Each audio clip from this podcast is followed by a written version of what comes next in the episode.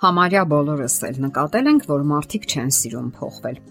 Այս հանրահայտ ճշմարտությունը իր մեջ բազմաթիվ հարցեր ու մոտեցումներ է պարունակում։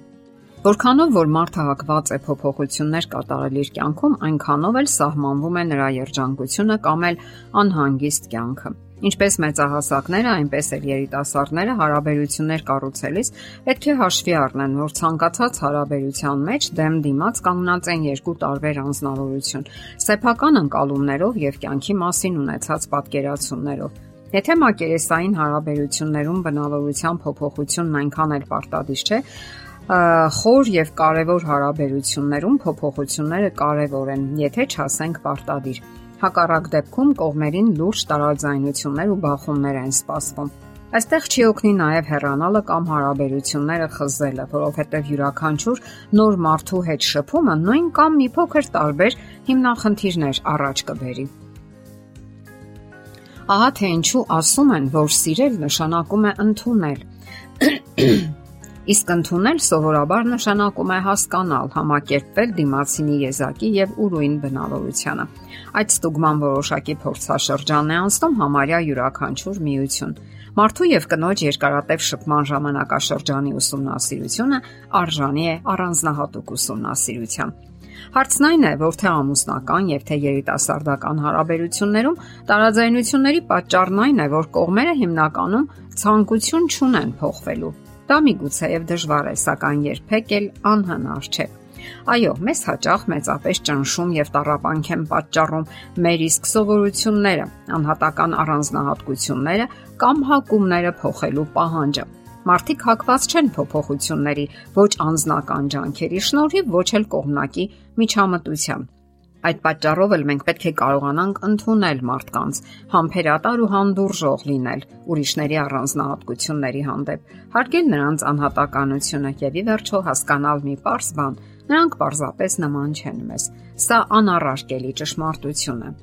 Իսկ ինչ է նշանակում ընդունել դիմացինին։ Դա նշանակում է փորձել հասկանալ դիմացինին, նրա կյանքն ու մարդկային կերպը, անկամ իմանալ նրա մանկության դրվագներից այն մեզ շատ բան կասի։ Մարդու մեջ սովորաբար ապրում են նրա մանկության հիշողություններն ու արմատացած սովորությունները։ Ընթունել նշանակում է նաև ընտրյալին վերաբերվել որպես մի մարդու, որն արժանի է հարգանքի։ Իսկ դա էլ իր հերթին նշանակում է, որ դուք նրան սիրում եք այնպիսին, ինչպիսին նա կա, եւ ընդունակ եք ճանաչելու նրա իրավունքները։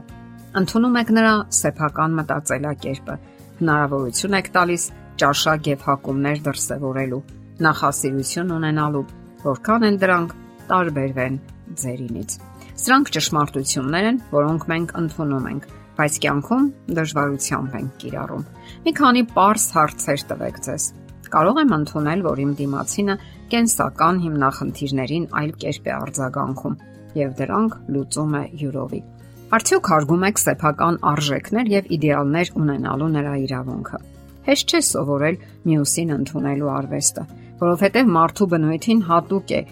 այլախոհությանը դիմադրելը։ Ով էլ որ նա լինի, ամուսին, երեխա, ծնող թե բարեկամ, սակայն կյանքի անգնահատելի ապարքևներից մեկն այն է, որ յուրաքանչյուր մարդ ինքնատիպ է եւ եզակի, որ նա իրավունք ունի գործելու ըստ իր սեփական փորձառության ունեցած արժեքներին համապատասխան։ Սա չի ենթադրում, թե մեր դիմասինը իդեալական է կամ անսխալ։ Իհարկե ոչ։ Ընթունել նաև նշանակում է գիտակցել մյուսի անհատականությունը եւ սխալական լինելը, սակայն ճակատագրական նշանակություն չտալ դրան եւ ընդունել դիմացինին այնպեսին, ինչպեսին նա կա, իր բոլոր թերություններով եւ մարդկային բնորոշ արատներով։ Որոշ մարդկանց թվում է, թե հանդուրժողականություն է, երբ ատամները սեղմած ու լարված դիմանում են մեծ ջանքեր գործադրում, որpիսի քննադատական խոսքեր չասեն։ Սակայն նրանց արտաքին տեսքը, ծամածրված դեմքը, լարված հայացքը, երկար ծանրու մեծ ու հանդիսավոր լրությունը միանգամայն պերճախոս են։ Հաշվի առեք նաև հետևյալը. մյուսներին ընդունելու կարևոր նախապայմանը սեփական անձն ընդունելու ընդունակությունն է այնպիսին, ինչպիսին մենք կանք իրականում։ Դա թույլ կտա նշանակալ լինել նաև այլոց պահանջմունքների հանդեպ եւ ավելի քիչ տրվել ուրիշներին վերափոխելու, վերաձևելու գայթակղությանը։ Ինքն իր հետ լինելու ընդունակությունը նաև ուրիշներին այդ հնարավորությունը տալը եւ հաշտարարությունը ավելի ու ավելի մեծ բավականություն կպատճառի մարդուն։ Սակայն բոլոր դեպքերում չէ որ պետք է լինել ներողամիտ։ Կան արատներ, որոնց նկատմամբ պետք է անհաշտ վերաբերմունք ունենալ։ Օրինակ, ալկոհոլային խմիչքներ,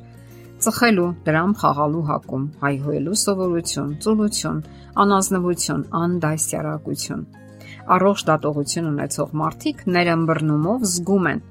թե ինչի հանդեպ պետք է հանդուրժող լինել եւ ինչի վրա կարելի աչք փակել, ընդ որում հաշվի առնելով, որ դա կարող է շարունակվել ողջ հետագա կյանքի ընթացքում։ Հիշենք նաև, ընդունել միշտ չէ որ նշանակում է սիրել։ Երբեմն դա նշանակում է անցալել իրավիճակը առանց բացահայտ ճշնամանքի։ Ամուսնության ընթացքում ամուսինների միջև ի հայտ է գալիս տասնյակ տարբերություն, որոնց հետ նրանք դեռևս պետք է կարողանան հաշտվել։ Դա կարող է լինել շփման, շարժուձևի, խոսելու, իրեն դրսևորելու տարբերություն։